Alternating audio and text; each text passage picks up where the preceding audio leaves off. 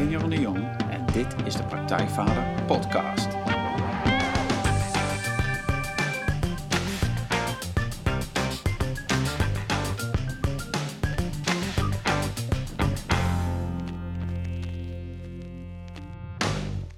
Welkom bij een nieuwe aflevering van de Praktijkvader Podcast. Jeroen hier en goed dat je luistert. Zoals elke aflevering interview ik een inspirerende gast die jou verder gaat helpen bij de volgende stap in je vaderschap. Ik vraag schrijvers, coaches, wetenschappers, kunstenaars naar hun vak, hun ervaringen, hun tips en trucs over hoe jij met meer ontspanning en plezier de vader kunt zijn die je je kinderen en jezelf gunt. En vandaag is uh, podcast-host, ondernemer, coach, spreker en schrijver Wigert Meerman te gast. Welkom in de podcast, Wigert. Dankjewel. Fijn om hier te zijn. Ja, ja, goed dat je er bent. Nou, Wigert Meerman is host van Eindbazen een van de populairste podcasts van Nederland en sowieso de meest populaire podcast in de categorie zelfhulp. Samen met Michel Vos maakt hij al meer dan 200 interviews met sporters, schrijvers, coaches, ondernemers. En vaak zijn dit bekende namen van uh, echt buitencategorie, zoals André Kuipers, Giel Belen, Jan Geurts, Arjan Vergeer. Veel meer andere mensen, ook internationale gasten. En die interviews worden veel beluisterd en gedownload. Meer dan 1 miljoen zag ik uh, op jullie site staan. Ja, ik denk dat we bijna meer dan 4 miljoen plays hebben gehad nu. Ja, ja. precies. Dat is echt uh, veel. Mooi. Ja, ja, ja. een van de populairste. Ja. En het mooie is, vind ik, dat het allemaal lange, diepgaande interviews zijn... waarin de gasten echt veel van hun kennis en ervaring delen. Nou, daar ken je Wigert misschien of waarschijnlijk van, van Eindbazen. Maar hij doet veel meer. Want hij is ondernemer, serieondernemer, verschillende bedrijven heeft hij. En had hij coach en spreker. Ook deed hij aan uh, vechtsport op internationaal niveau. Dat uh, jiu-jitsu was het? Ja, Braziliaans jiu-jitsu. Ja, ja, ja. En ja, volgens mij als je dat allemaal samenneemt, um, volgens mij uh, alles wat je doet of wat, wat doet, is dat zelfkennis, voortbouwen op oude wijsheden en het beste uit jezelf halen centraal. Je eigen weg gaan, persoonlijk leiderschap en daarmee ook nog de wereld beter maken. En wat mij opvalt in, um, nou, Birgit, als ik jou, jouw portfolio bekijk, maar ook de gasten die jullie hebben in Eindbazen, dat is vooral de brede blik en de fascinatie ja, van jou, denk ik, om steeds meer te leren en te ontdekken. Maar ook die brede blik, want het is en vechtsport en psychologie en filosofie en wetenschap, spiritualiteit, ondernemen en nou ja, psychedelische middelen, alles zit erin. je, brengt, je brengt het bij elkaar, je geeft het door, want ja, nou ja, ja. dat is je missie, je ja. levensmissie. Ja, dat is denk ik alles wat ik ben en waar ik, uh, waar ik van hou. Ja, ja. De intro is nog niet klaar. Ik ga nog even door.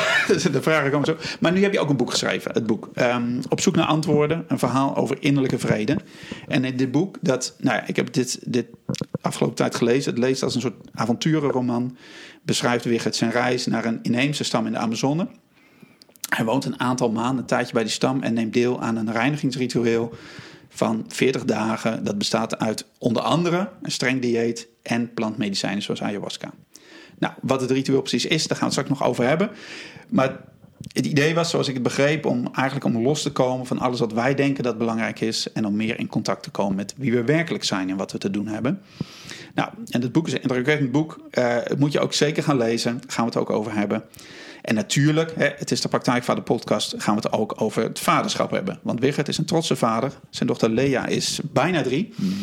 En ik ben benieuwd hoe hij alles wat hij geleerd heeft en ervaren heeft nu toepast in zijn eigen vaderschap. Nou, in dit interview gaat veel voorbij komen. Natuurlijk staan we stil bij Wichtse reis naar de Amazone en plantmedicijnen zoals ayahuasca, wat dat voor je kan betekenen. Maar we gaan het ook hebben uiteraard over vaderschap, man zijn, persoonlijk leiderschap en wat dat betekent aan de nu in 2021. Nou, laten we beginnen met de eerste vraag, Wigert. Ja? Ja, jij moet mijn PR-manager worden. Ja, ja, ja. nou, het is zo fijn. Dan, weet je, dan, dan ligt het allemaal gewoon op tafel. Ja, je zelf niet te vertellen. En, ja. um, nou, nou, goed dat je bent hier in de Praktijk van de podcast. Um, als aftrap even van, het is februari 2021. Het is een bizarre tijd. We zitten in de, op dit moment in de strengste lockdown van heel Europa. Uh, als het gaat om corona. Dat doet veel met ons. En in het voorgesprek hadden we het er ook al een beetje over. Maar ook met ons werk en ons dagelijks ritme. En ik ben benieuwd hè, met al jouw interesses en activiteiten. En je dochter, altijd bij elkaar. Uh, ik ben benieuwd hoe jouw dagen er nu uitzien. En hoe verschilt dat met, met ja, een jaar geleden toen dit allemaal nog niet aan de hand was? Ja, een jaar geleden was ik echt hard aan het bouwen aan een uh, carrière als professioneel spreker.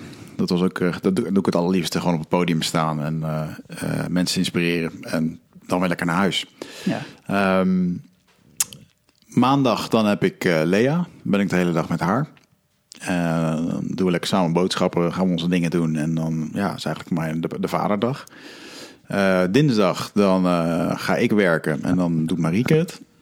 Um, voorheen was het zo dat we dat... We hebben Lea zelf helemaal opgevoed... zoals ze dat ja, zo goed mogelijk konden doen. Um, zo lang mogelijk gewacht met externe oppassen en dat soort dingen. Um, dus toen Lea geboren werd, heb ik sowieso een commitment gemaakt... om een half jaar niks, niks te doen. Uh, dat ging eigenlijk best wel goed. Als je dat dus ook gewoon voor je kan zien met je ondernemerschap, dan lukt dat. En eigenlijk is dat altijd gebleven. Dus vandaag de dag werk ik nog steeds maar drie dagen per week. Dinsdag, woensdag en donderdag. Woensdag en donderdag gaat Lea nu naar een gastouder, omdat ze gewoon sociaal contact wil en daar heel blij van wordt. En vrijdag hebben we een uh, gezinsdag en het weekend zijn we ook samen. Uh, neemt niet weg dat er dan wel eens een keertje een avond gewerkt wordt. Of, uh, want ik kom echt wel aan mijn uren. Uh, dat is mijn, dat is mijn valkuil. Ja, maar ehm, ik heb wel eh, echt, ook nu... Kijk, wij wonen ergens in een boerderij achteraf in Oude Kerk aan de Amstel. In de achtertuin van Schiphol. Bij ons merk je niet dat de wereld stilstaat. Het is eigenlijk gewoon precies hetzelfde. En... Um, uh, neemt natuurlijk wel weg dat uh, als Lea niet naar de gasthouder kan, dan uh, moeten wij ook weer dingen afzeggen of kunnen we minder doen. Um, dus dat is eigenlijk de enige impact die erin is geweest. Ja, behalve dat ik gewoon niks kan. Ik kan geen retreats organiseren, ik kan geen lezingen doen. Dus ik ben nu wel... En gelukkig heb ik de boeklancering. Dat was ook nog een ding in november. Van ja, um, gaan we dat uitstellen? Gaat dat door? En ik dacht gewoon van ja...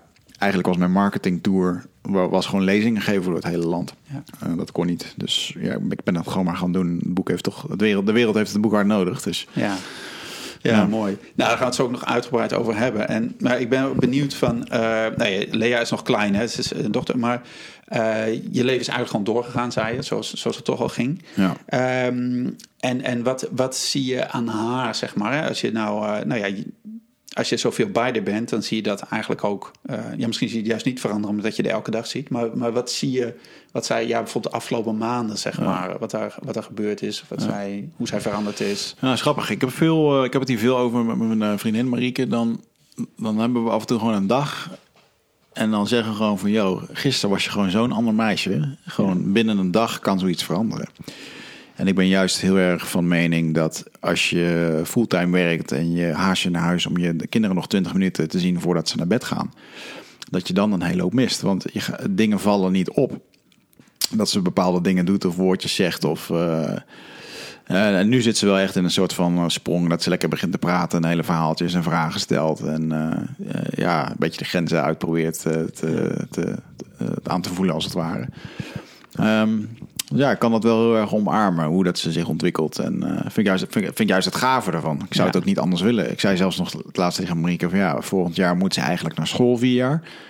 Maar volgens mij is het pas verplicht bij vijf. Ja. Ik vind het eigenlijk wel jammer dat ik straks die dag niet meer heb, weet je wel. Ja. Ja. ja, mooi.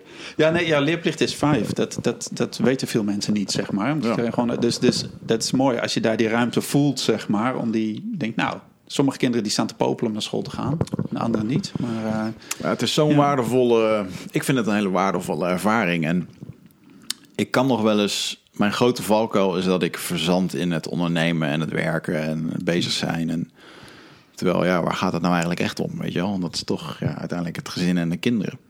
En ja. um, dat gevoel heb ik altijd wel heel, heb ik wel heel sterk. En uh, ik, nogmaals, ik stap wel eens in de valkuil dat ik dat vergeet. Maar ja, meer en meer uh, begin ik er nu toch aan te denken: oké, okay, hoe kunnen we haar toch ja, zo lang mogelijk nog bij ons houden eigenlijk? Ja. Voelt, veel, voelt veel normaler en gezonder. Ja, ja, dat is mooi. En het is, en het is een spagaat, hè? want daar gaat natuurlijk je boek over, maar ook gewoon je werk. Het is, het is en wat heb ik te doen in de wereld als man? Hè? Daar schrijf je ook veel over, je missie, leven en, en dat doen. Ja. En dat combineren met, hè, ik wil ook vader zijn of ook thuis zijn, zeg maar. Mm, zeker. En wat, wat leert zij jou daarin? Wat, wat, ja. Nou, Lea leert mij heel erg. Dat is wel mooi. Die, um, die leert mij heel erg goed om een grens aan te geven. En uh, te zeggen wat ze wel of niet wil. En uh, dan, uh, nu krijg ik regelmatig te horen: ga weg, zegt ze dan. En dan echt met dat handje zo. Maar dat, dat zegt ze dan op zo'n, zo'n, met zo'n energie dat ze dan, ja, dan heeft ze gewoon geen zin in je. En. Um, dat zegt dan schijnbaar iets over hoe ik in mijn vel zit. Of, ehm, en dat voel ik dan ook wel. Als ik bijvoorbeeld gestrest ben of zo. Dan zeg ik, of ik zei het vandaag nog van... eh, Lea, krijgt papa nog een knuffel? En ik, ik was in de stress ergens van. En dan, eh, nee, nee, je krijgt, nee, nee, krijg je niet. Ga weg, zegt ze. Oftewel, ze heeft gewoon geen zin in je, Ja. hoe dat je er nu bij hangt. En Ja. Merk ik dat ik zo'n knuffel probeer te halen... eigenlijk om mezelf even goed te voelen of zo. En dat, is wel, dat zijn wel echt, daar is het echt een spiegel in. Zuiver is dat, hè? Zo Ja. zuiver. En Ja. het is niet persoonlijk. Nee, en toen vijf minuten later kan Ja. het ook goed zijn. Ik bedoel, een paar minuten ging ik even boven een dutje doen en eh, toen kwam ze me weer halen. En, Ja. Dus dat is er ook wel. En ehm, wat, ik, wat me ook heel erg opvalt is dat ze nu wel een beetje begint ont- ja, te ontwikkelen. Dat ze echt wel teleurstelling kent ook. Hè? Dat zij zo enthousiast en expressief in wat ze dan wil. En als het dan gewoon even niet gaat omdat het niet gaat, dan Ja. sip gezicht naar beneden. En dan helemaal eventjes zo, eh, ja, Ja. vind ik wel interessant om te zien. Hoe, hoe echt die puurheid, ja, precies. de expressie. Ja mooi. Hey, en, en ze, is, nou, ze is bijna drie, zei je net. Ehm, ze werd dus geboren en, en of, je, ehm, de zwangerschap van, van Marieke was in een tijd... Toen was je al een tijd bezig met eindbazen. Eh, Ja. Je reis naar de Amazone had je toen al gedaan. Ja, Of niet? klopt. Ja. Dus, dus je was al, ehm, om, ja, hoe moet ik dat zeggen? Je was al heel ver in dat traject van persoonlijke groei, persoonlijke ontwikkeling. Daar was je zo'n tijdje mee bezig. ja. En ik ben benieuwd van eh, hoe heb je je. Ja, hoe heb je, heb je gewoon voorbereid op de vaderschap? Eh, Want eh, Ja. je weet veel, je weet dingen over van alles, over hoe je leert of over coaching. Dus hoe heb je dat gedaan? Nou, de zwangerschap is echt wel een trip geweest hoor, voor mij ook. Enerzijds omdat ik heel veel eh, miscom mi- ja, hoe zou ik zeggen, miscommunicatie of misunderstanding had met hoe Marieke zich voelde in de zwangerschap. Hè, wat zij allemaal voelde. En ja, ik kon er naar kijken, maar ik begreep Ja. dat echt niet. Nee. Denk, bekend vaderfenomeen dit. Ja. En eh, we hebben toen wel een heel mooi traject gehad met eh, een paar holistische doula's... die ons eh, eigenlijk gedurende de hele zwangerschap gewoon... eh, ja, ook een soort van hebben gecoacht, hebben geholpen... tot aan de zwangerschap zelf. En dat was heel waardevol. Waardevol om, zodat Marieke een beetje inzicht kreeg... in mijn denken over, het, over de zwangerschap... En, en, en, Marieke over die, en ik over die van Marieke. Ja. En ik ben tijdens haar zwangerschap, toen ze acht maanden was, ben ik nog een keertje teruggegaan naar eh, de Indianenstam. Oké. Omdat ik daar eh, mee kon doen aan een ritueel waar ik officieel werd ingewijd in de stam. Dus dat was anderhalf Oh, jaar later. En, Maar dat was ehm, eigenlijk net voor haar geboorte. dat was net voor haar geboorte ja. En eh, wij hadden echt wel onze uitdagingen in, eh, in de jungle. Of eh, in die periode, in onze relatie. En ook, ja, ik vond het vaderschap vond ik ook, vond ik ook best wel eng.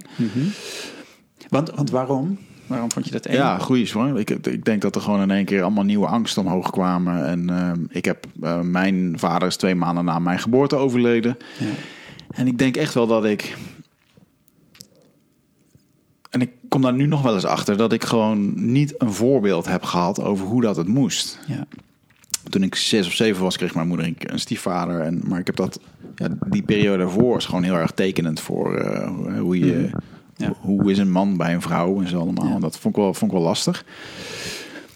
Verder denk ik ook nog dat, ik- dat ik toen nog best wel ehm, egoïstisch was in wat ik nog wilde. Even zo van, nou, de kleine is er nog niet. Kan nog eventjes mijn vrijheid eh, pakken. En, Ja. en Marieke had al echt die nesteldrang Ja. van hè, het gezin. En, en dat, daar heb ik echt... Daar hebben we wel heel veel uitdagingen in gehad. Mhm. Ehm, en toen ik dus naar die stam toe ging, toen eh, heb ik daar een eh, ritueel gedaan. Wat zij doen, wat zij zien als de, de overgang van jongen naar man. Oh, wauw. Mooi. Ja, een soort spiritueel, spirituele inwijding. Meestal de jongetjes van 13, 14 dat. Maar eh, ja, goed, ik mocht dan ook mee met mijn... eh, eh, hoe oud was ik toen? Ik denk 35 of zo. Ja. En ehm, dat betekent dus dat je vier dagen lang eh, aan allerlei dingen meedoet. Natuurlijk word je fysiek eh, getest en eh, ayahuasca hoort erbij. Cambo, zo'n gifkikker waar die, waar die je lymfeklieren systeem helemaal ontgift en zo. Ja, echt wel best wel pittig. Ja. En ik weet nog dat er daar op het einde van dat ritueel, na vier dagen dat ik helemaal afgepeigerd was, dat we toen nog een keertje als, als eind een, een ayahuasca ceremonie deden.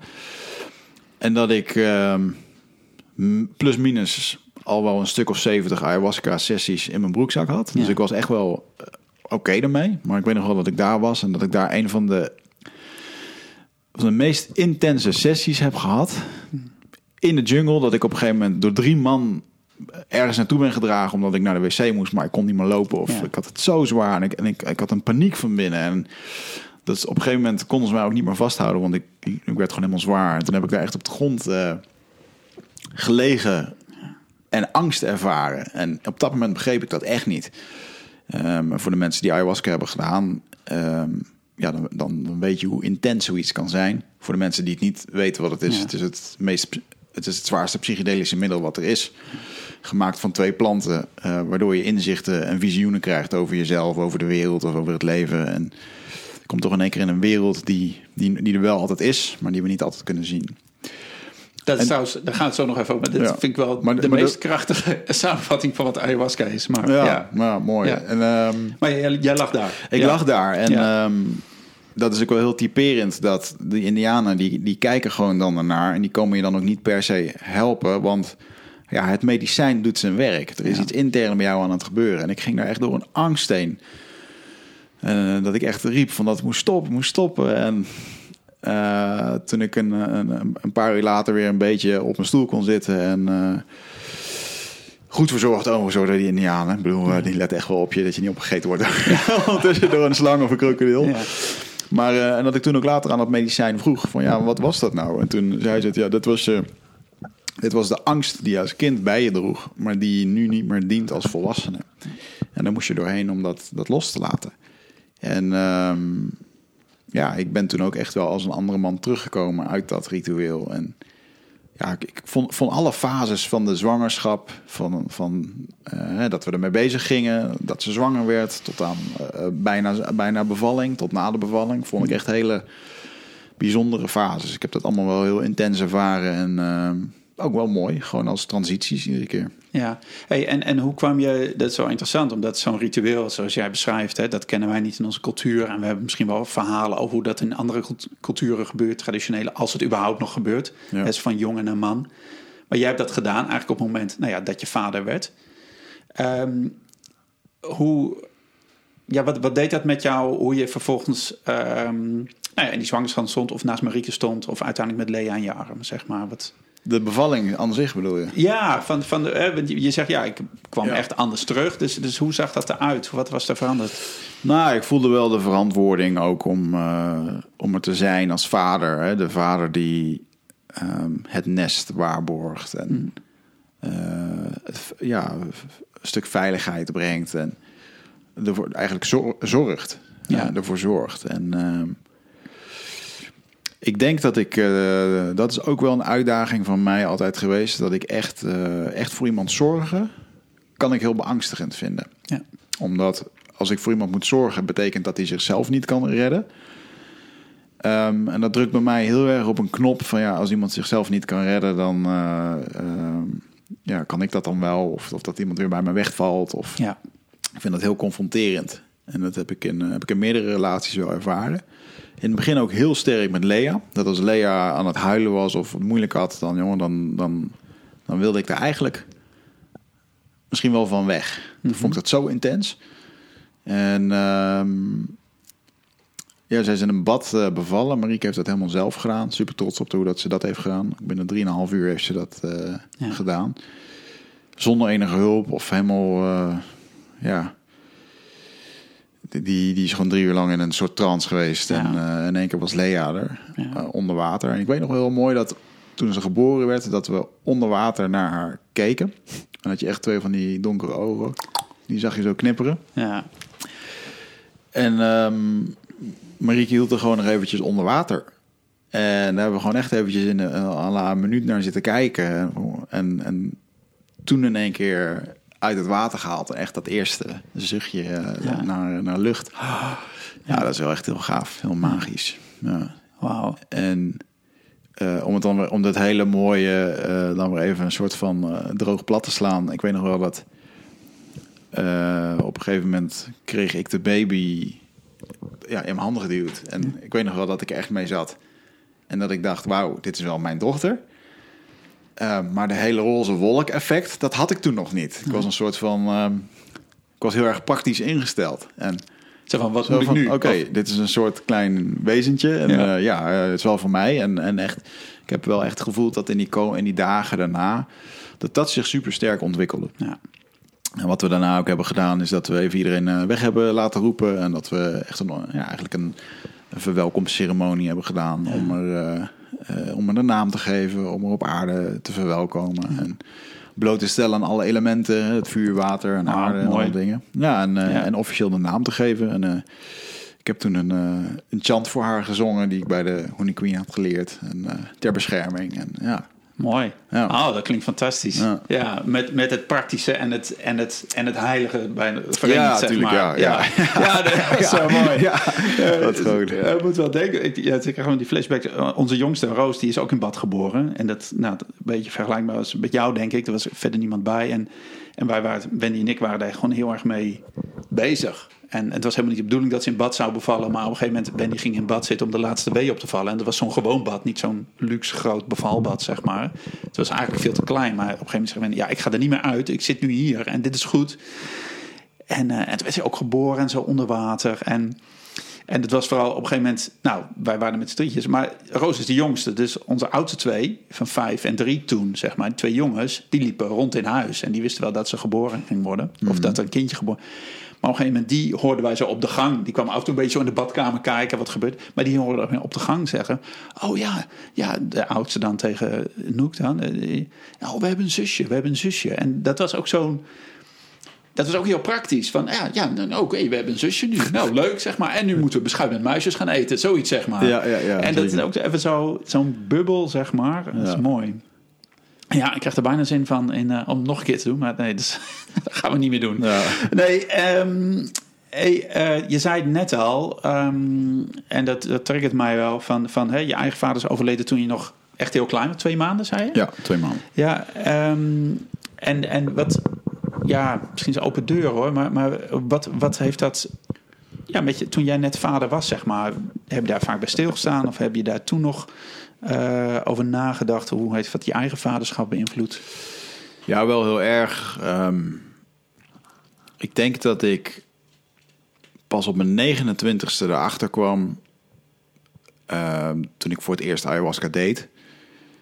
Eh, puur uit interesse, omdat ik het interessant vond. Ik was helemaal niet spiritueel of, of wat dan ook. Dat ik toen ehm, heb ik een, eh, ja, een acht uur lange ervaring gehad waarin ik mijn vader sprak. En heel veel heling heb gevonden op, op het stuk waarin ik altijd op zoek ben naar succes of het beste of naar beter. En, en ehm, ja, die prestatiedrang, dat die toch wel heel erg voortkwam uit gewoon gezien willen worden. Ja, Ik denk dat ik toen pas voor het eerst begreep van oké, alles wat je nu aan het doen bent, al het succesvol zijn, het geld verdienen, komt uit dat vat. En ehm, toen, ja, ik denk dat ik toen had ik nog, ook nog een relatie, een vorige relatie. Ik denk, was ik helemaal niet zoveel bezig met, eh, met, met kindertrauma's en dat soort dingen. En eh, niet echt heel erg bewust mee. En ik denk dat ik echt nog het begin stond van een soort van ja, eh, pad waarin je jezelf gaat ontplooien. En verlatingsangst werd ik eigenlijk pas mee geconfronteerd weer in mijn volgende relatie. Waarbij ik toch wel weer snel onzeker kon zijn op het moment als er, eh, ja, als er wat was. Of, of ehm, eh, eh, een hele grote angst voor eenzaamheid. ja, En dat is wel iets wat ik heel mijn leven heb gekend. ja. En ik weet ook nog wel toen wij, eh, eh, ik en Marieke, elkaar leerden kennen. Toen eh, hadden we na een jaar al wel bedacht met elkaar van, nou, wij willen, ja, we willen een kind met, met elkaar. En toen hebben we ook een keer een eh, ayahuasca-ceremonie gedaan om, eh, om dat als het ware te initiëren. En ehm, dat was wel grappig dat eh, we daarheen gingen om dus dat te initiëren. En dat ik naar buiten kwam en eh, een hele hoop angst van mijn vader had gevoeld daarin. En, en ook weer angst om eh, ja, een kind te verliezen. Of dat nu zijn angst was op mij was, weet ik niet zo precies. Maar ik weet nog wel dat ik naar buiten liep en dat ik zei van, nou, ik wil dit helemaal nog niet. Nee. Dus heel die roze wolk waar, waarvoor we erheen gingen, die kwam Ja, ook ja. daar niet uit. Nee. Maar het was wel nodig om mezelf echt eventjes... Ja, het is toch een flinke beslissing. En toen hebben we...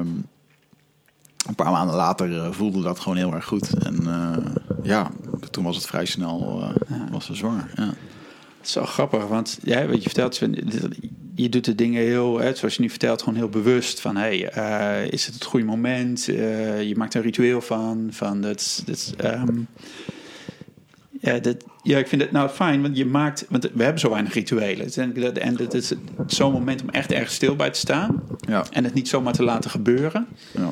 Ehm, nou, dat, dat geeft wel waarde, denk ik. Van, ehm, hoe, hoe, want hoe pa- pas je dat nog meer in, in je, in je leven, zeg maar, of in je dagelijks leven? Of hoe doe je dat?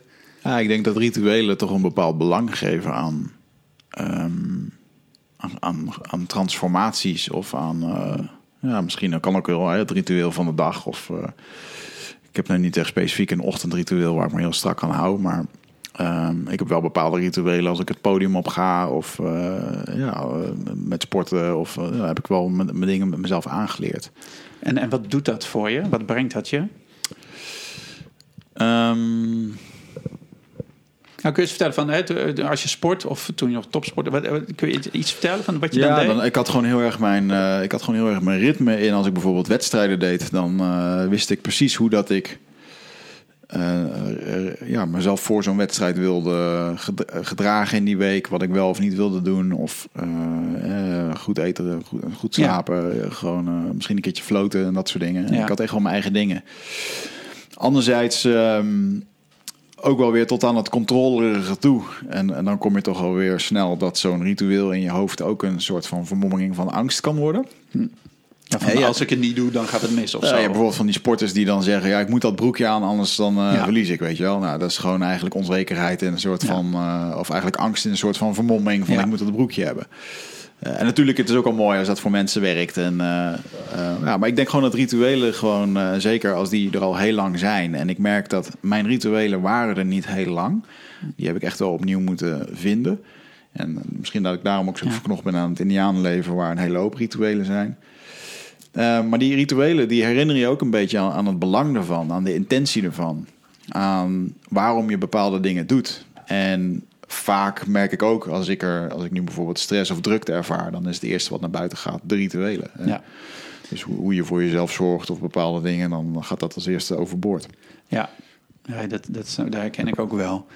Ehm, omdat het, hè, dan ga je in een soort overleefstand, zeg maar. En die dingen die voel dan misschien eerder als luxe, zeg maar. Ja, En eh, ja, ehm, ik wil een vraag nog eh, over dat vaderschap of over je eigen vader. Want eh, jij bent ook nou ja, fan of liefhebber van het boek van David Daida. De kracht van echte mannen. Of The Ja, Way of the. Superior Man. ja.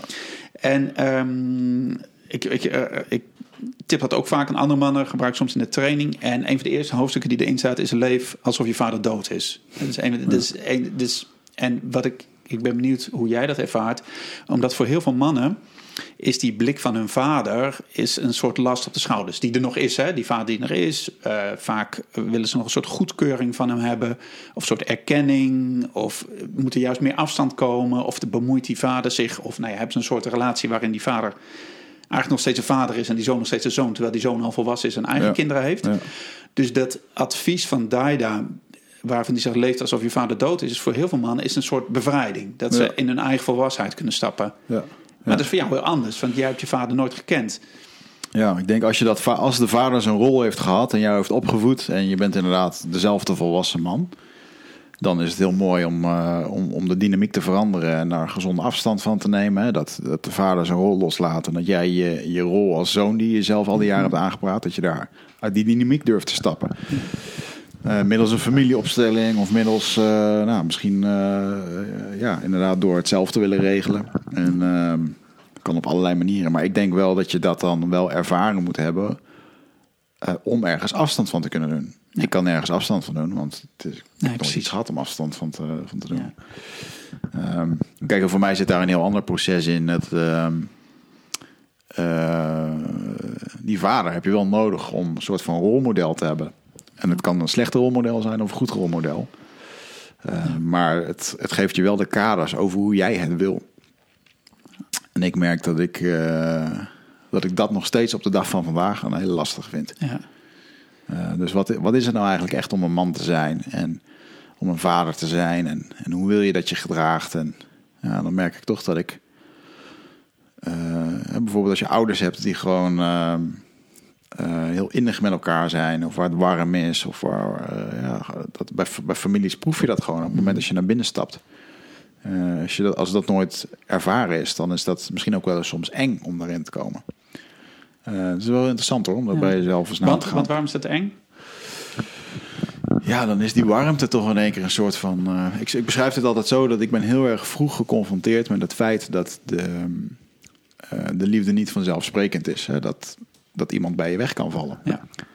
En ehm, als baby ervaar je dat gewoon. Ik bedoel, je zuigt dat gewoon op als een spons. Ik bedoel, mijn moeder had natuurlijk verdriet, moest gaan werken. Ehm, ik heb een hele lieve oppas gehad, eh, Dieneke.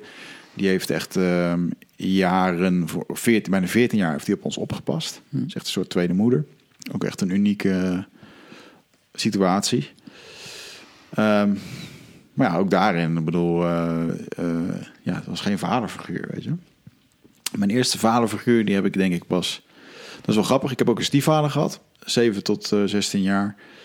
Ehm, en die heeft goed voor ons gezorgd. Daar heb ik ook echt wel dingen voor, van geleerd in die periode. Maar ik merk dat ik hem nooit echt als vader heb gezien. Of heb, heb willen zien misschien. Hè? Misschien een soort van natuurlijke afkeer van je bent mijn vader niet. Ik weet nog dat ik dat heel sterk voelde. Ik had verder gewoon een goede relatie met hem en ik kon dat, eh, dat ging wel prima tussen ons. En ik eigenlijk pas het eerste echte masculine vadertype, waar ik echt zo naar op zoek was. Ja, die heb ik gewoon gevonden in, eh, in een vechtsportleraar. Eh, Dat was Remco Pardoel voor mij. Ja. Oud-wereldkampioen Jiu-Jitsu. En die heeft echt wel mij onder zijn vleugels genomen destijds. Toen was ik een jaar of 15, denk ik. Ja. En wat heb je van hem geleerd? Ja, gewoon alles wat. Ik kwam gewoon in één keer in een wereld van het mixed martial arts. eh, ja, echte mannen, weet je wel. Eh, Vechtsport, kampioenen, trainen. eh, niet zeuren, trainen. Een hele andere mentaliteit. En ik merkte dat ik...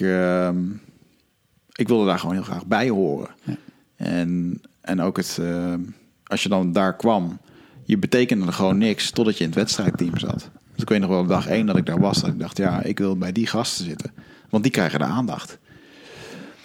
Dat, dat, zo zag ik dat denk ik niet op dat moment, maar dat vond ik gewoon mooi. En eh, ik zag dat daar status was. En ik zag dat daar, ja, die, die werden geëerd. Weet je, en dat zijn allemaal dingen die ik, eh, die ik zocht, Ja. denk ik. Ja. En, en later, want, want het verschuift natuurlijk. Hè. Ik kan me ook voorstellen van, van of je vader nou is of niet of zo. Zeg maar op een gegeven moment, eh, ik denk dat heel veel mannen eh, op zoek gaan naar, zoals je zegt, een vaderfiguur of een beter vaderfiguur of iemand, een leraar of een mentor. Ehm, ze- heb je later nog, nog mannen gehad, zeg maar, waar we zeggen van, oh ja, die daar.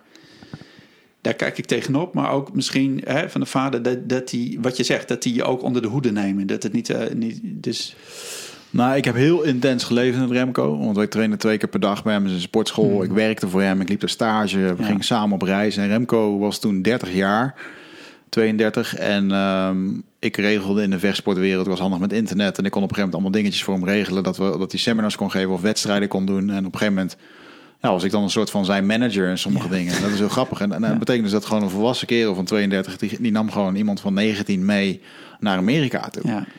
En ehm, ja, daar zal ik hem altijd dankbaar voor zijn. Dat heeft Ja. hij, heeft, hij heeft echt wel mijn ogen geopend voor de wereld. Want ik was ook echt niet, niet, wereldwijs, eh, te- toen zeker niet. En ehm, ja, ik vond die wereld gewoon helemaal fantastisch. En dat eh, we hebben we echt wel een, een rit met elkaar gehad van bijna nou, elf jaar of zo. Dat, het heel, dat het heel intens is geweest. En op een gegeven moment kwam iedereen wel gewoon in een andere fase van, van zijn leven. Ehm, heel de groep waarmee ik was opgegroeid daar, hè, de, de, Ja. de competitiegroep. Ja, jongens gingen hun eigen weg. Gingen verhuizen, kregen vriendinnen of, eh, of er waren argumenten met elkaar. En daardoor is dat, eh, ja, is dat gewoon... En alles is, al dat soort dingen zijn eindig. Hè? Ik Ja. bedoel, je ziet dat heel vaak. Het was gewoon een periode en ja, daar, eh, daar gaat iedereen zijn eigen weg. Ja. Ja, nou, ik vind het een interessant thema, omdat er toch veel, veel mannen en nou ja, die wereld kent ook, dus ook, het is een soort kameraadschap aan de ene kant, maar er zit vaak ook een soort competitie in. En, ehm, en ik vind het altijd van interessant om te kijken van, eh, van hey, kunnen we, en dat heb je het bij de Indianen waarschijnlijk ervaren, dus gaan we het zo ook wel over hebben, maar hoe je dat op een soort natuurlijke manier doet. Dat, dat je generaties hebt en dat iedereen weet van nu ben ik die jongen, dat ik ben een jong volwassene, dan ben ik de volwassen en dan ben je in de bloei van je leven en dan ben je misschien eh, de krijger of zo. En op een gegeven moment word je weer ouder, Hmm. wordt je kracht minder en dan verschuift het op en iedereen, dat is mijn idee dan, die, die, snapt, die snapt die posities, zeg maar, op de een of andere manier. En ehm, nou, misschien moeten we het gewoon over, over, over, eh, daarover gaan hebben. Want, eh, want, want op de een of andere manier belandde jij op een gegeven moment in de Amazone voor, voor dat ritueel. Ja. Dat ging natuurlijk niet van de een op de andere dag. Het was geen retreat wat je boekte van achter je, achter je laptop. Nee, nee, zeker Dus niet. dat was een reis. En, ehm, en daar heb je natuurlijk een heel prachtig boek over geschreven. En dat is veel te dik om dat nu allemaal hier te gaan vertellen. Maar ik ben wel benieuwd van, hè, ik ben wel benieuwd wat kun je erover vertellen? Ehm, hoe, hoe, ja, wat, wat was die aanloop, zeg maar? Hoe kwam je daar terecht? Nou, ik deed dus ayahuasca. Ik hoorde het ooit een keertje op een podcast in Amerika. Hoorde ik een ondernemer erover over praten bij, eh, bij Joe Rogan, bekende podcaster. En ik vond het fascinerend. Dat twee Ja. gasten, ondergetatoeëerd, hadden het over vechtsport, hadden eigen bedrijven. En die gingen naar Peru om zo'n retreat te doen. En Ja. met shamanen en een of ander mysterieus drankje. Ja, Eh, misschien moeten we dat eerst even vertellen. Want heel veel mensen zijn er nieuwsgierig naar. Heel veel mensen kennen het, maar heel veel mensen volgens mij ook nog niet. Ja. Dus, dus net zei het al kort, maar ayahuasca, het is, het is een, een drank. Thee of een drank gemaakt van planten. Ja. Je drinkt het. Ik heb het zelf ook gedaan. Dus, ehm, en je gaat ja, op reis. Je krijgt een hallucinerende ervaring. Die duurt een hele tijd. Ja. Je ziet van alles. Je maakt van alles mee. Ja. Je, komt, je kan je angsten tegenkomen. Eh, Het is een soort, soort ja, eigenlijk een soort, soort ja, aantal jaar therapie in één sessie. Mhm, ja. Ehm, maar hoe zou jij dat omschrijven? Want jij hebt er veel meer ervaring nog mee. Ja, ehm, de Indianen die beschrijven het als eh, iets wat achtergelaten is door de goden om in contact te kunnen komen met de goden. Hè, dus je kan in één keer in een wereld tappen die je met het blote oog niet ziet. Eh, daar geloofde ik eerst niet zoveel van totdat ik erin zat. Ehm, en als je dan gaat nadenken, ja, wifi zien we hier ook niet. Infrarood zien we ook niet. Eh, er zijn bepaalde dieren die hebben een ander, een ander oog. Ja, Eh, die zien dingen wel. ja, En bijvoorbeeld een adelaar, die ziet heel duidelijk de zit dus een soort infrarood, ziet eigenlijk een soort aura om zo'n roofdier heen, zodat hij dat, zodat beter kan jagen. ja. Ehm, vleermuizen gaan ook gewoon op geluiden en zo. Het is natuurlijk super, ja, heel wazig om dat te beseffen dat wat we hier eigenlijk zien, of dat eigenlijk wel bestaat, weet je wel? Want als ik op jouw microscoop zet, dan, dan Ja. kom je op een paar moleculen met lucht. En dat is heel vraag. En ehm, dus met onze, onze realiteit is natuurlijk wel gewoon hier. En, en, en ja, als je dan zoiets drinkt, dan, eh, dan zou je twee dingen kunnen zeggen. Enerzijds zeg je van nou, Wigert, je hebt daar een keertje ayahuasca gedronken. En ja, dat er diep in jou nog een gevoel zat dat je een vader gemist had. Dat is wat er naar boven is gekomen. Ehm, of je zou kunnen zeggen, nou, er is wel degelijk een wereld waar dat soort dingen bestaan. Alleen kun je op bepaalde manieren bijkomen. En ehm, dat is een wat openere kijk. Maar either way, wat je er ook van vindt, het maakt ook niet uit. Want het heeft heel erg gewerkt voor mij. ja. En we gaan er nooit achter komen wat het nou precies is. Dus die molecuul, de DMT, dat noemt hem ook wel de molecuul van de ziel. Ehm, en dat is uh, Dr. Dat, zit in het, de ayahuasca. Ja, nou, het zit eigenlijk in alle levende organismen. Ja. En ehm, het zorgt ervoor dat. eh, eh, het schijnt ervoor te zorgen dat jij bijvoorbeeld in kleur kan, kan zien. Dat je kan dromen.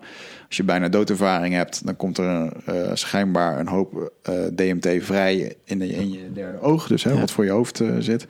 Eh, maar ook bij eh, geboorte. En ehm, ja, DMT is ook wel echt een stof die je dus laat hallucineren. En, en ja, het is fascinerend. We begrijpen er eigenlijk helemaal niks van. En Dr. Strassman, die daar heeft een mooie documentaire over gemaakt. Die kan je gewoon vinden op, eh, op YouTube. DMT, The Spirit Molecule.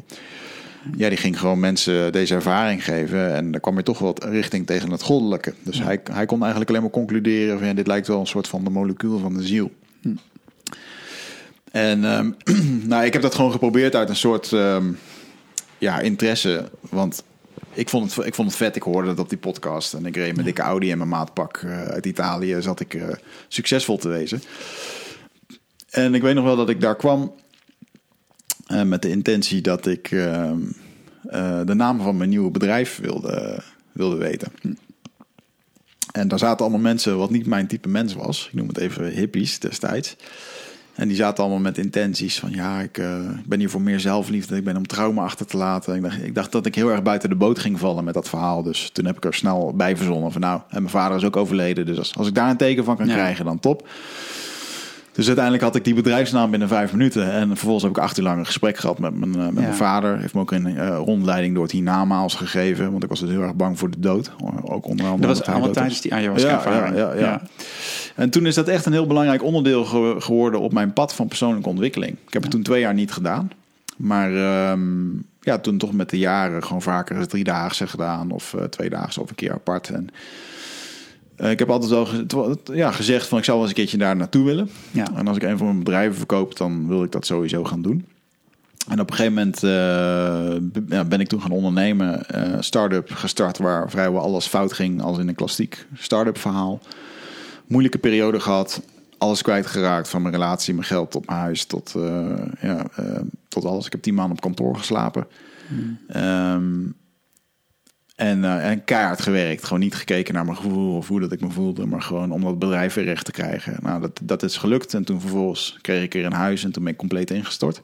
Ja, toen, ja, toen je het gered had. Toen, ja, exact. Dus ja. kon ik toen Ja. dacht mijn lichaam in één keer... oh, je hebt nu een huis, mooi. Daar storten we nu Ja, in. Dus nou, dat klassiek. was gewoon... ja, eh, ja, ja. het ja. verhaal. Ja. En ehm, vervolgens ben ik eh, ja, toch weer een beetje op het pad gekomen van oké, je moet er iets met jezelf aan de slag. Waarom, waarom is dit nou zo?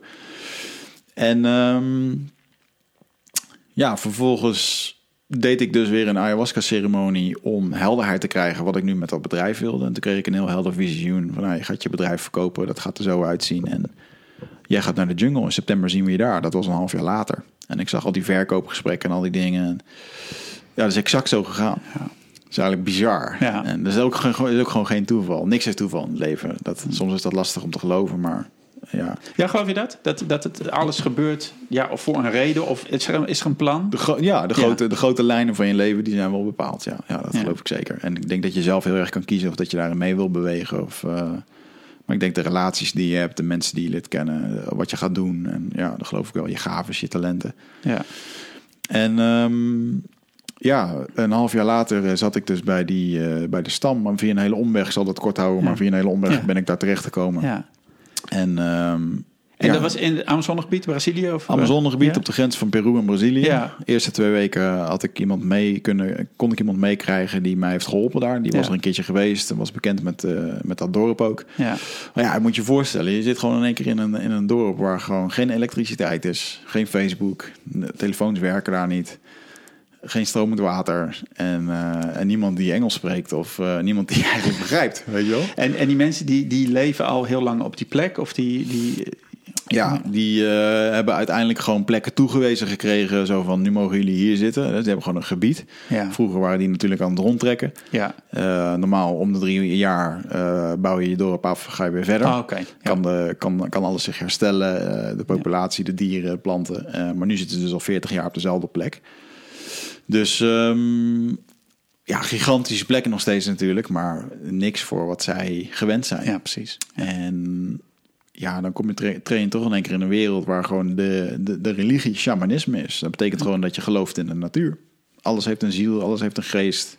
Je bent er een onderdeel van, je bent er niet apart van. Ja. En eh, zij drinken iedere week ayahuasca. Eh, dat is gewoon hun religie, dat is de rode draad van de stam. En dat zorgt voor de verbinding met zichzelf, eh, maar ook met de stam Ja. onder elkaar. En ja, dat is fascinerend. Gewoon, baby's krijgen daar gewoon eetlepels ayahuasca naar binnen gegoten.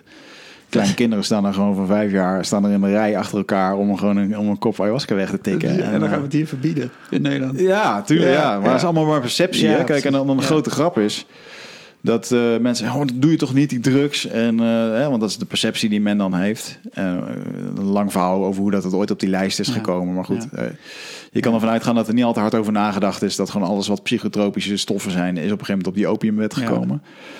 Maar als je dan aan die Indianen vraagt van oké, maar wat vinden jullie dan van ons? En zij kijken naar ons en ze zien 1 miljoen Ne- Nederlanders in, in depressies, in burn-outs, aan de pillen, antidepressiva, angstaanvallen. Het woord depressie bestaat niet eens in hun taal.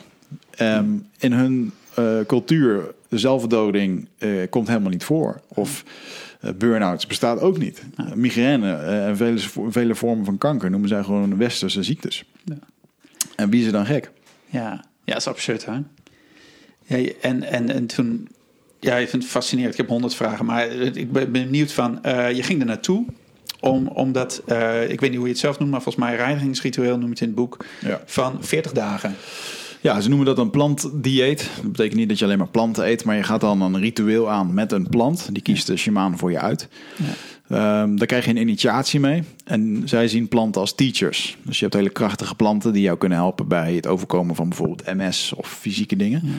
Maar ook als je op spirituele kwesten gaat, zoals ik. En ehm, Ehm, ik kreeg heel, eh, ik zal heel sexy zeggen, de aardappelplant toegewezen. Zo, kijk. Kijk, hè, en ehm, Jij kwam voor iets anders, maar ja, en ehm, ik moet denken aan dat verhaal van Filoldo. Dat kennen we ook wel, dat hij ergens op zo bij die, ja, ergens in Peru was en ze, ze zouden dan een nieuwe naam, hij zou dan ook een nieuwe naam krijgen en hij had al zo'n beeld van, oh, ik word eh, adelaar of Ja, zo, ja. of beer. Zeg nou, doe jij maar eh, dansende eekhoorn of zo. ja, je, ja, ja, ja, zoiets, ja, ja, ja, mooi. ja.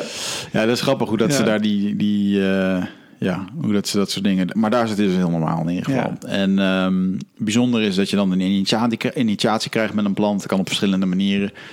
Ik moest de plant op verschillende, overal op mijn lichaam eh, over me heen wrijven en mijn intenties uitspreken. En ehm, vanaf dat moment was het ritueel gestart.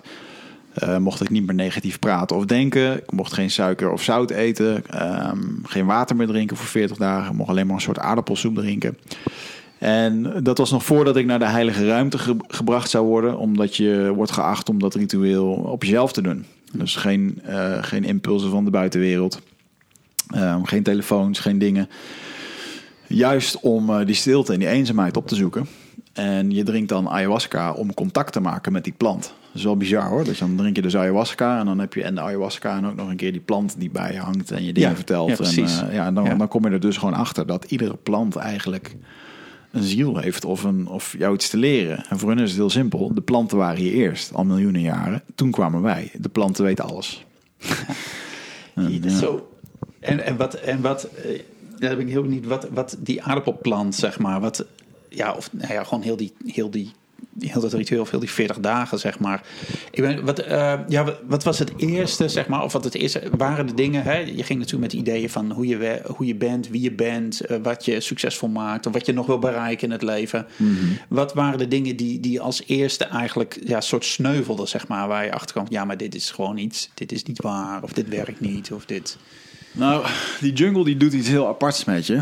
En eh, de reden waarom je geen zout en suiker mag, is omdat je dan heel gevoelig wordt.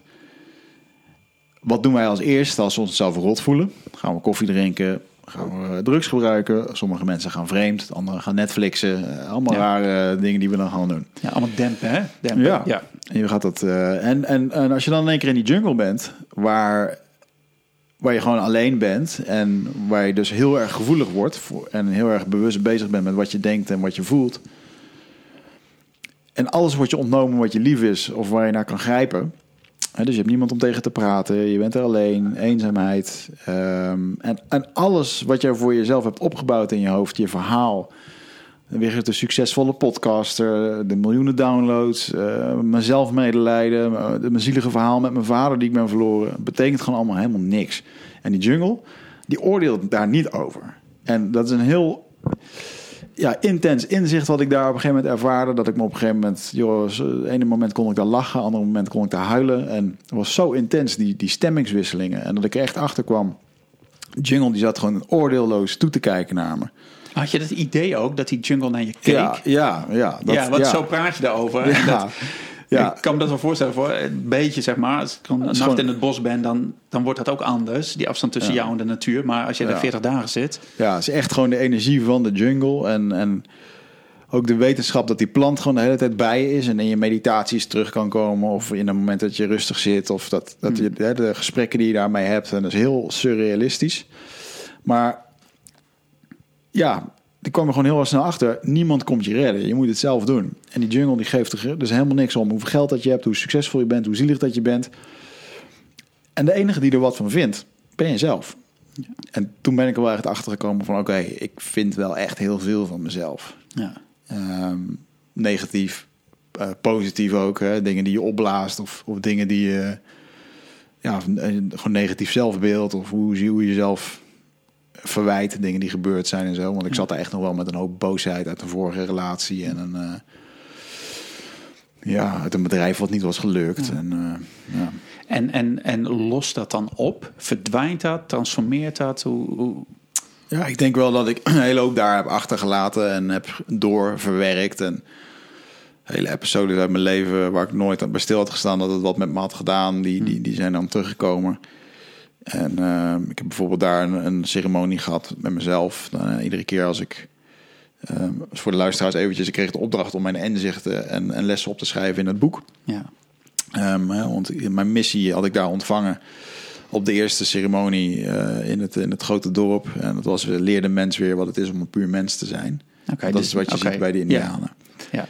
En ja, ik heb toen echt heel veel eh, hoofdstukken geschreven, onder even over vergeving, waar ik bijvoorbeeld alles wat ik iemand anders ooit had aangedaan of mezelf, dat, dat her- herbeleefde ik daar. Ja. Dus het liegen, eh, het stelen, het bedonderen, eh, hebzucht, alle menselijke dingen die iedereen ooit een keertje heeft gedaan. Of misschien sommige dingen niet, maar niet dat ik een verschrikkelijke mens ben of zo. Maar ja, ehm, je weet heel goed wanneer je iets uit hebzucht hebt gedaan of uit zucht. Eh, waarvan je achteraf denkt van was niet helemaal netjes, maar ehm, ja, dat, daar, daar heb ik echt. Ja, dan, dan moet je dat eruit kotsen. Hè? Dat is dan de Ja. reiniging van die ayahuasca, dat je het overgeeft. Ja, Ja. daar heb ik wel echt, eh, heb ik wel echt wel stukken achter me gelaten. Ja. Maar conclusie van het boek uiteindelijk is wel dat als je terugkomt, ik, toen ik terugkwam, dacht ik echt dat ik, wauw, ik heb er 40 dagen gezeten, ik heb zoveel wijsheid en mooie dingen. Ja, nu, nu, eh, nu snap ik het spelletje wel. Ja. En daar werd ik echt super hard mee geconfronteerd dat dat echt niet het geval is. En ehm, ja, dat ik wel een hele hoop inzicht heb gehad, een hoop dingen heb geheeld. Maar dat het echte werk gewoon het dagelijkse hier en nu is. Ja, en dat, dat vind ik zo, dat wilde ik je ook vragen. Want eh, dat, dat mensen die, die eh, persoonlijke ontwikkeling doen, en je, dit is een extreme vorm daarvan, de- al die tijd die je gehad hebt, al die inzicht. Je weet, als je een retreat hebt gedaan, als je een weekend hebt gedaan, al doe je maar een dag. Dat, is, dat zijn de plekken van de inzichten en van de aha, en nu weet ik het. En dan zeker op zo'n andere plek. Want daar, die gaat helemaal over die plek. Hè. Je hebt het vaak ook over de heilige ruimte Ja. in je boek. Nou ja, weet je, dat is eigenlijk, als je het goed doet, dan is de trainingsruimte, ook zoals we hier zitten, zoals ik hier mijn training, is ook een soort heilige ruimte waarin regels gelden, waarin, waarin dingen afgekaderd zijn. Eh, Weet je, we zitten met elkaar met een groep mannen. Nou, een van de dingen is, er zijn geen vrouwen bij. Dus niet omdat we niet van vrouwen houden, maar dat is, dat is een van de regels van die rituele ruimte. Ja. Maar dan ga je weer. En daar doe je de inzichten op, daar deel je, voel je je veilig of maak je van alles mee. Nou, jij ook 40 dagen lang in de Amazone. Dan kom je thuis en je zegt zelf, van, ja, dan denk je, nou, ik weet het nu of zo, ik weet nu hoe het zit. En hoe zorg je ervoor? Wat heb jij gedaan dan om dat te integreren? Om, om ervoor te zorgen dat je niet denkt na drie maanden: oh, ik moet weer terug, want ik moet het weer.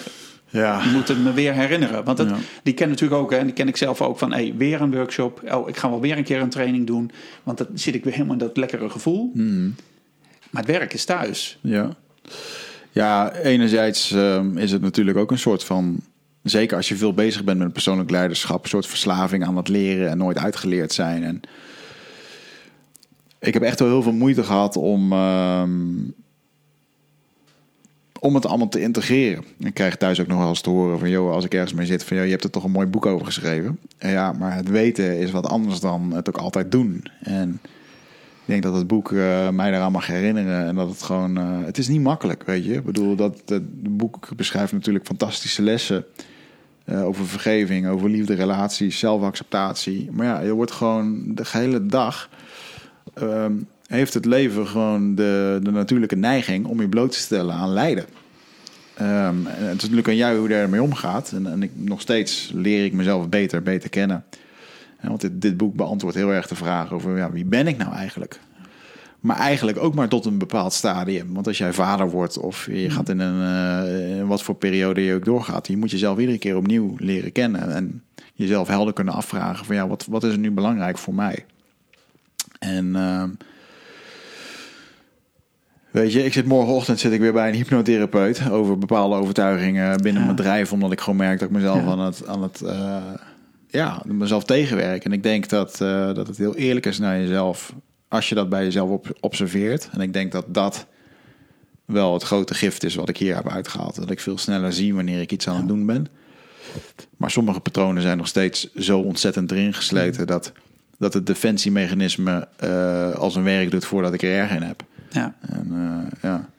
Ja, ik moet wel denken, Wil van der Koer, dat was de, de eerste therapeut bij wie ik kwam, ook een mannengroep. En die zei altijd van ja, het inzicht en hoe je dat krijgt, of het een ayahuasca is of familieopstelling of wat. Hè, dus, dus, en daarna moet je, het moet nog uit je systeem. Je moet de neurose eruit krijgen. Je moet de, de, heel je systeem, eh, je noemde net ook al overlevingsmechanisme, dat zit in je lijf. Ja. Dus dat, dat moet eruit. Ja. zeker. En, en dus het idee, denk ik, en ik denk dat veel mensen denken, ja, ik doe even een training, of niet even misschien, maar ik doe één keer een training, of doe één keer een sessie, of doe één keer en dan is het klaar.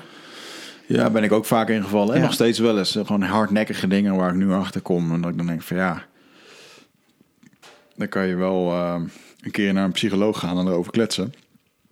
Maar is het dan echt opgelost? En, ja, dat is ook de laatste woorden van mijn boek zijn de heling eindigt nooit. En sommige mensen zeggen wel eens tegen me, "Ja, is het dan nooit een keertje genoeg geweest? En denk ja, ja voor mij helpt het nog steeds. En ik wil me en sommige mensen zijn heel erg eh, lopen met het gift rond dat ze zich altijd heel erg goed voelen. Nou ja, kan dat je, dat je altijd heel positief bent of net hoe dat je gewired bent. En eh, ja, ik heb, eh, ik, ik heb voor mezelf nog wel genoeg dingen waar ik mee rondloop. Waar ik denk van ja, dat, nou, als ik daar wat mee zou kunnen doen, dan is dat gezond om dat aan te pakken.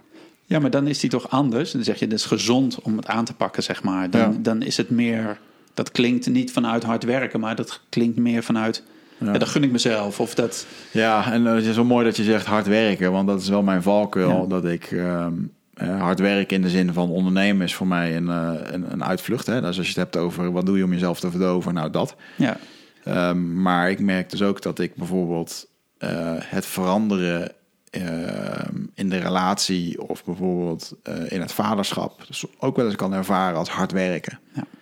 En ja, waar is dan het plezier? En dan gaat alles heel geforceerd. Maar dan, dan wil ik dat omdat ik goed wil presteren en om, omdat ik anders bang ben dat het niet goed gaat. Dus ik heb wel heel erg die mentaliteit van all in. ja, Ja, eh, of all out ook natuurlijk, als het dan niet eh, Ja. mislukt. Dus dat is een beetje mijn, dat is het cirkeltje waar ik heel erg in kan zitten. Dat ik een soort van eh, performance type kan zijn. En, en op het moment dat het dan niet lukt, dan, ja, dan faalt het. En dan kan ik mezelf weer over mijn rug slaan met, eh, met dat. ja, en dan zit je daar die 40 dagen in de, in de Amazone. Ja.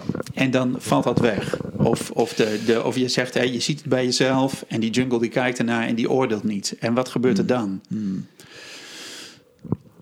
ja, dan word je dus heel erg geconfronteerd met jezelf. En, en, en eigenlijk met eh, hoe simpel het kan zijn. Vooral simpelheid. Ik weet nog wel dat ik daar op een gegeven moment rond een vuur zat. En eh, dat ik echt een warme deken voelde van, van zelfacceptatie. En in de puurste vorm zoals ik dat ooit heb gevoeld. Dat ik echt dacht, als morgen eindbaas omvalt of mijn bedrijven, dan, dan is dit wie Wigert is. Eh, dat is heel, en ik denk dat het belangrijk is om dat soort dingen te herinneren.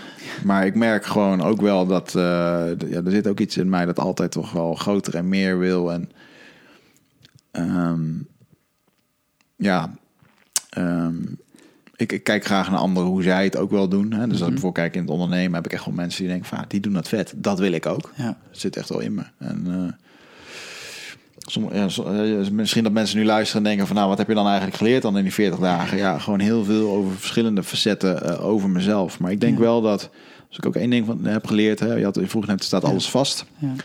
Er is één hoofdstuk dat gaat over het vinden van je missie. Hm. Eh, waarin ook werd uitgelegd dat de grote lijnen van je leven dat die uitgestippeld staan en dat je zelf wel kan kiezen eh, of dat je in de flow meegaat of dat je er tegen wil bewegen. En ja, ik denk soms dat mijn hoofd toch nog wel eens eh, iets anders wil dan mijn gevoel en, en, en leren voelen. Joh, mijn beschermingsmechanisme, Ja. wat ik heb heb, mezelf heb aangeleerd, omdat mijn vader vroeg overleden was. Mijn, ik ben opgegroeid met een broer die eh, mentale problemen had. Dus ik heb echt tien jaar lang in een huishouden gewoond door veel fysiek, verbaal en emotioneel geweld was. Ja. Tot op het punt waar ik mijn eigen broer vier keer per maand aan de politie moest overdragen. Ja. En, Ja.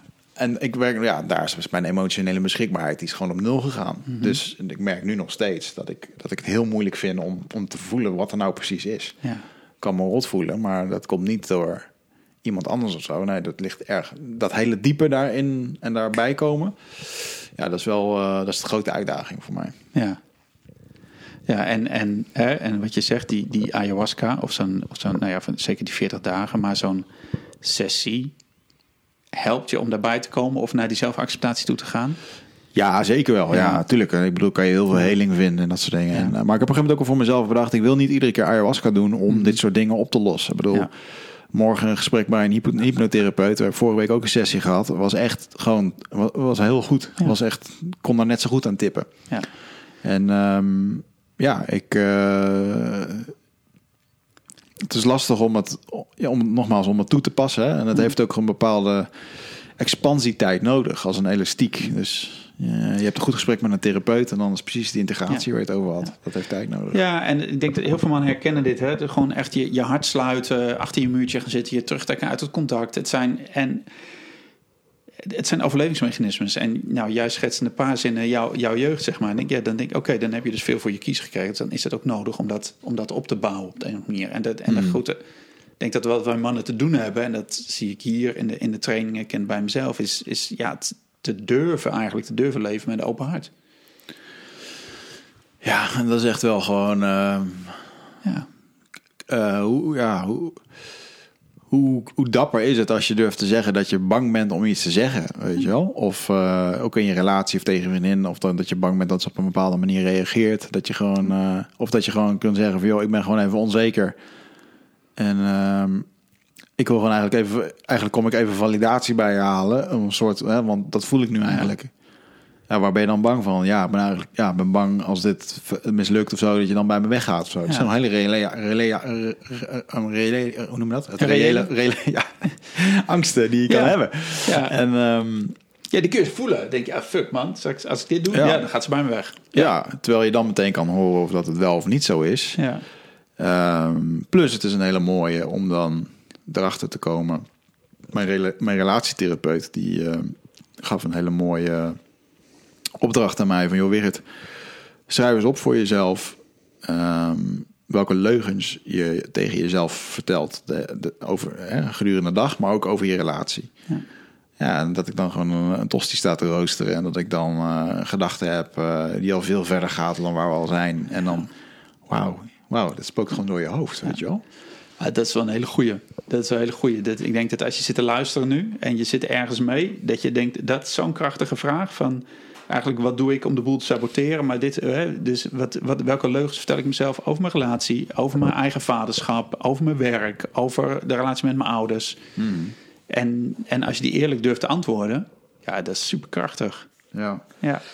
Ja, en er zit natuurlijk een onwijs. Uh, uh, je wil natuurlijk een bepaalde geborgenheid hebben. Dus ook echt het leren communiceren tegen elkaar. En um, ja, dat is ook echt wel iets wat ik uit de relatietherapie heb gehaald. Gewoon. Uh, kijk, het, ik denk, wij zitten, wij zitten in relatietherapie om gewoon elkaar opnieuw te leren kennen na vijf jaar en vaderschap en ouderschap. En je verandert gewoon ook alle twee. En um, hoe denkt de ander? En hoe, hoe kan je op een goede manier dingen communiceren zonder dat de ander daar over de zeik van raakt, onzeker van raakt? Of, dat zijn hele waardevolle dingen. Ja.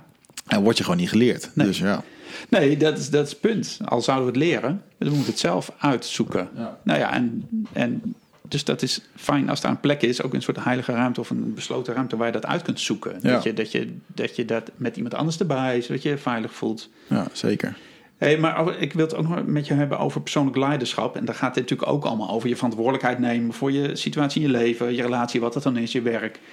Um, dat, dat lied ken je misschien ook wel. Dat is een tijdje terug, werd dat heel veel gedeeld uh, op alle socials. Dat was een message from the Hopi Elders. Dat is zo'n, zo nou ja, maakt niet uit, met een van de, de Hopi, uh, naar de natives uit Noord-Amerika. Mm.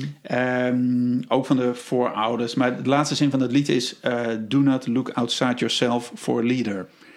Ja. En denk, nou zeker nu in de tijd waarin we nu lezen, uh, leven, um, waarin het lijkt, ja, of weet ik veel, de autoriteit uh, over ons leven lijkt steeds meer ergens anders te liggen. We worden ingeperkt in wat we kunnen doen, wat we mogen doen. Uh, het is nu februari 2021. Nou ja, ik weet niet over hoe een tijdje uitziet, maar. Um, en wat ik zo mooi vond, is, uh, is dat, dat, is iets wat me sinds de corona, begin van de corona-situatie bezighoudt. Van wie ben ik nog? Wat kan ik nog doen? Wat is mijn eigen leiderschap? Hoe kan ik al die verhalen die ik aan mijn werk vertel over de koning in jezelf? Uh, hoe kan ik die nu, die vragen nu eigenlijk om nog meer kracht om dat neer te zetten? Ja. Dus minder luxe. En, uh, en, de, en, en je wordt meer, ja, het is, het is, je wordt meer beperkt. Dus, dus wat doe ik dan? En. Um, nou, dan zijn jullie bij Eindbazen zijn jullie ook nog begonnen met een aantal wat, wat kritische interviews om, om hier naar te kijken, naar deze situatie. Wat ik heel dapper vind mm voor een, uh, een, een, platform met zo'n groot bereik als dat van jullie hebben om die verschillende standpunten uh, neer te zetten. Ja. Dat vind ik echt heel goed. Hè. Paul Smit die had een hele mooie erover, maar ook Isaac Kriens. Ehm, en ik ben benieuwd wat dat voor jou betekent. Hè? Van, van ehm, wat persoonlijk leiderschap nu in deze tijd. Um, of wat betekent je eigen autoriteit zijn nu in deze tijd voor jou? Ja, goeie vraag. Nou, ten eerste, niemand komt je redden. Dus onthoud dat goed. Niemand komt je redden waar je nu ook in zit. Ik bedoel, uh, natuurlijk kun je wel eens hulp krijgen, maar in essentie moet je het zelf doen. En ik denk dat wij kijken naar mensen die wij noemen de leiders van ons land. Maar eigenlijk mag je het omkeren. Het zijn de dienaars van ons land. Dit zijn de mensen die van ons de positie krijgen om beslissingen te maken die goed zijn voor het volk. En als dat niet goed is, dan moeten ze weg. Zo simpel is het eigenlijk. Maar wij leven in een systeem, en zeker in Nederland, waar we behoorlijk verwend zijn en waar zelfredzaamheid, waar eigenlijk weinig aandacht aan wordt gegeven, um, leven wij in een systeem wat ons heel erg afhankelijk maakt. Zo worden we opgevoed. er, zit een hele, er zit een heel idee achter ons schoolsysteem, wat uit een tijdperk stamt, wat, ja, waarbij men gewoon volgers wilde hebben. Uh, robots, bij wijze van spreken. Um, en natuurlijk zijn er wel mooie ontwikkelingen, maar in de essentie, het vrij leven en jezelf ontwikkelen en je emotionele en je, en je cognitieve vaardigheden ontwikkelen. Um, nou, ik denk dat er dat daar een hoop tekort in komt. Dus er is ons ook nooit geleerd om goed met onze gevoelens, onze emoties overweg te kunnen. Nu wordt alles in één keer wankel. Zelfs de overheid waar je zo goed op kon rekenen en waar, altijd alles wel geregeld was, die wankelt nu ook. En natuurlijk maakt dat mensen super onrustig. Uh, ik bedoel, ik durf ook wel te zeggen dat ik de eerste twee maanden toen dit allemaal gebeurde ook een beetje in een soort van shell shock heb gezeten van wow, is dit echt? Dus we hebben dit ook nooit meegemaakt. Nee. Ik heb hier ook met veel psychologen over gesproken in de podcast. En het is ook helemaal niet gek dat je dit voelt, want het is echt een. Het is zo'n groot scenario dat je brein het eigenlijk helemaal niet aan kan en in een soort van hypnose komt. Ja. Om te overleven? Of massa-hypnose, ja, Het is, uh, enerzijds is het makkelijker om te overleven door uh, bepaalde dingen niet te willen zien of mee te gaan met de massa. Dat zijn hele natuurlijke, hele natuurlijke dingen. Um, maar je merkt nu ook in één keer dat de, de zelfredzaamheid, hè, de, morgen zou in één keer je huis afgenomen kunnen worden. Ik noem maar even wat. Hm. En dan denken we, nou, maar zover zal het niet komen. Nou ja, goed, een jaar geleden dachten we ook anders over bepaalde dingen. Ja. Hè, dus uh, je komt er in één keer dat erachter dat de overheid niet per se het beste met je voor heeft en dat je het zelf moet gaan doen. Ja, en dan kom je op je financiële, relationele, op je carrière en op, je, op zelf. Uh, hoe, hoe heb je het zelf eigenlijk allemaal voor geregeld als je er straks zelf voor staat? Ja, en dan kom je erachter dat ons systeem met de farmaceutische industrie, die er, en de farmaceutische industrie doet hele goede dingen, maar is iets anders dan de gezondheidsindustrie. En um, voor mijn gevoel leven we dan ook nu in de grootste levende advertentiecampagne van de farmaceutische industrie. Want uh, dat is heel simpel, als je gewoon het, het, het geld volgt, ja, dan kom je uiteindelijk bij uh, ja, daaruit.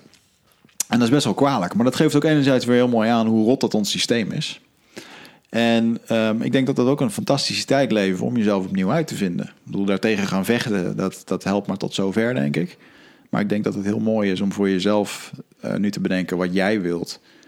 Um, wat je, een helder standpunt erin te krijgen, wat goed gefundeerd is. Dus dat je niet alleen maar het NOS kijkt of alleen maar in de complottheorie zit. Maar hoor het gewoon alle twee aan en vorm dan je mening. En, en dan te kijken wat voor jou belangrijk is en waar je je hart voor wil maken. En, en dat vervolgens ook doen. En dat begint door gewoon gesprekken te voeren. Met? Met gesprekken met? Met elkaar. Of met de mensen die juist, hè, de, eh, de buurman die dit compleet anders over denkt. Of uh, werknemers. Ik bedoel, ik heb een, uh, een, een podcastcompagnon. We spreken dezelfde mensen. We staan lijnrecht tegenover elkaar. Ja. En dus gewoon het idee hoe dat je erover denkt. Of waar je bang voor bent. Of, of juist niet. En dat is ook heel gezond, maar we kunnen nog steeds gewoon, uh, daar kun je nog steeds gewoon een gesprek over voeren. Nou, dat, dat zeg jij. En dat, nou, blijkbaar kun jij dat. Maar wat ik ook heel veel zie en hoor om me heen, dat het gesprek juist uh, niet meer gevoerd wordt. Ja. Of dat ook binnen gezinnen, zelfs binnen relaties, maar ook binnen gezinnen, binnen families, binnen, binnen vriendengroepen of collega's, dat, dat, het, dat er heel veel. Uh, ja, er is heel veel verwijdering. Ja.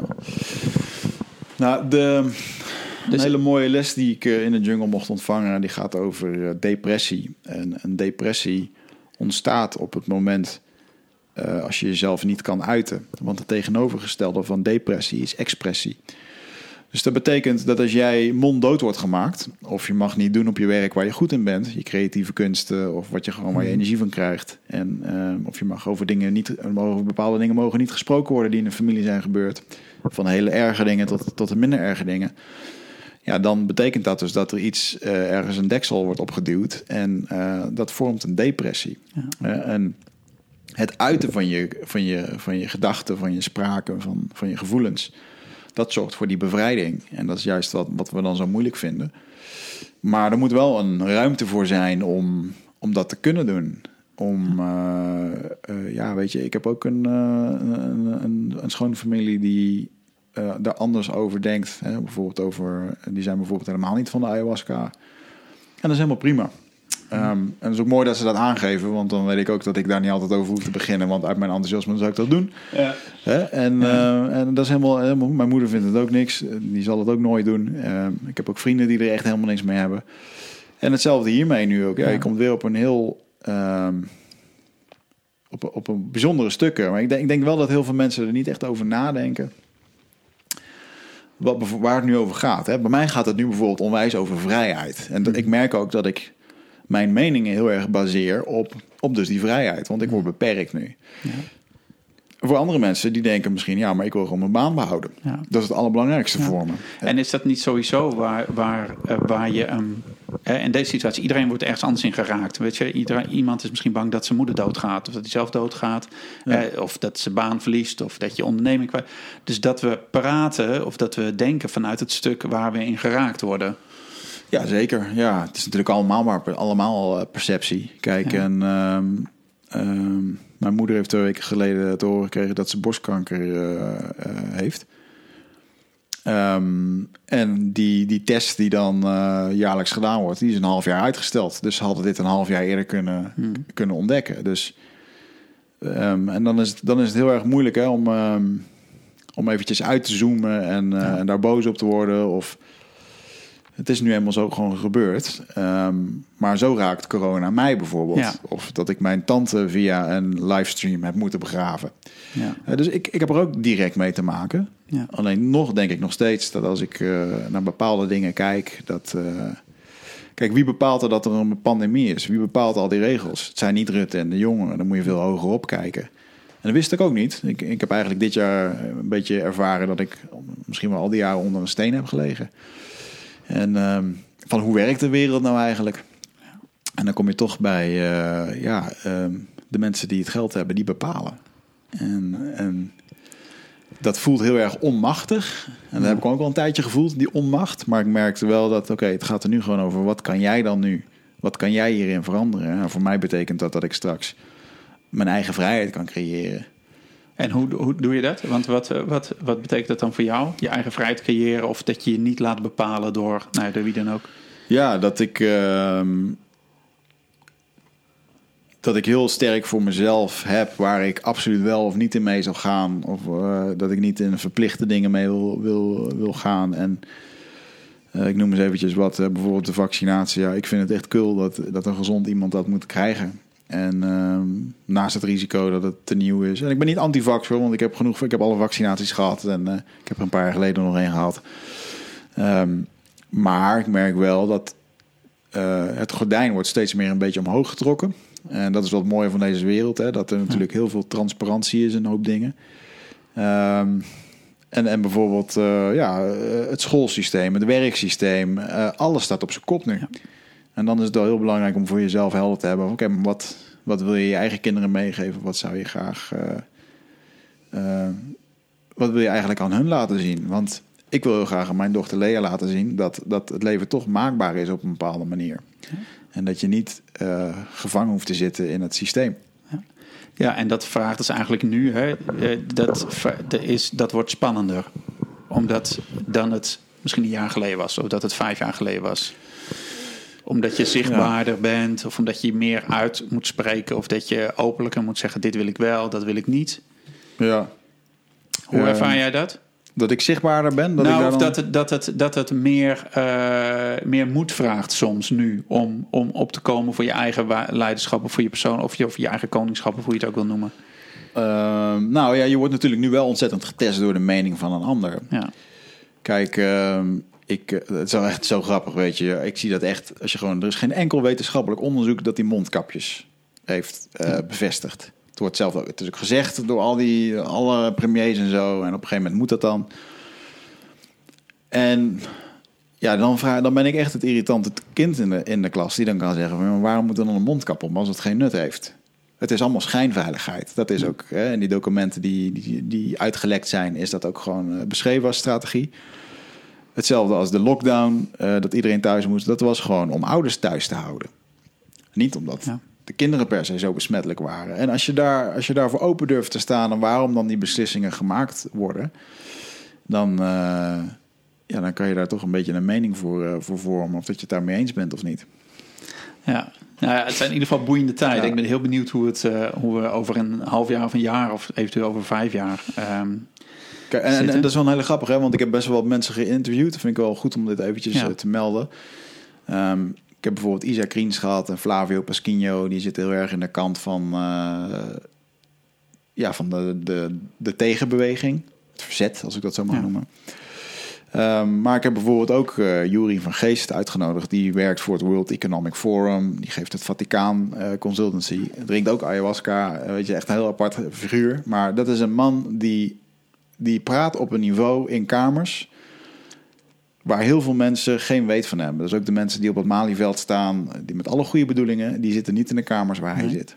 En, en ik heb zo'n man ook 2,5 uur geïnterviewd. En, en daarmee werd me in één keer heel erg duidelijk dat de, de vele reacties die bijvoorbeeld bij Isa en Flavio kwamen, met heel veel bevestiging en goed wat hun deden, en eh, nou, dan echt een beetje eh, heel diep in het konijnenhol. Ehm, dat de dingen die Jury bijvoorbeeld zei, hè, bijvoorbeeld van de, eh, de overheden zitten nu te azen op zo'n grote Great Reset, wordt veel over gesproken. Maar de Great Reset is onontkomelijk. Want nog twintig jaar van dit gedrag wat we nu doen... en de wereld gaat gewoon kapot. We hebben gewoon een ecosysteem wat aan de kloten gaat... door al het plastic en alle dingen. Er moet wat gebeuren. En dan zie je toch heel erg dat, dat men totaal niet vatbaar is... voor wat hij zegt, want hij, zit, hij hoort bij de slechte. En, maar als je er echt naar kijkt... Bedoel, hij heeft ook gewoon twee kinderen. Ehm, daar werken ook gewoon mensen die daar met alle goede bedoelingen werken... En, dus ik eh, vind het heel erg mooi dat als je een beetje kan uitzoomen en gewoon al die, die meningen gewoon even kan, kan laten voor wat het is. En, eh, en, en ja, dat je ook open durft te staan voor de andere waarheid. Want de grote grap is, je weet het niet. Je weet het niet. en we hebben iedereen nodig. Tenminste, dat, eh, iedereen, we, we gaan met z'n allen door. Nou, we zullen het met elkaar moeten doen. En ik denk, eh, wat, wat enerzijds heel mooi is, is dat mensen elkaar nu ook... eh, enerzijds is dat een gevolg van polariteit. En het is heel, eh, de media creëert polariteit, de politiek doet dat. En dat doen ze om, om volgers te winnen.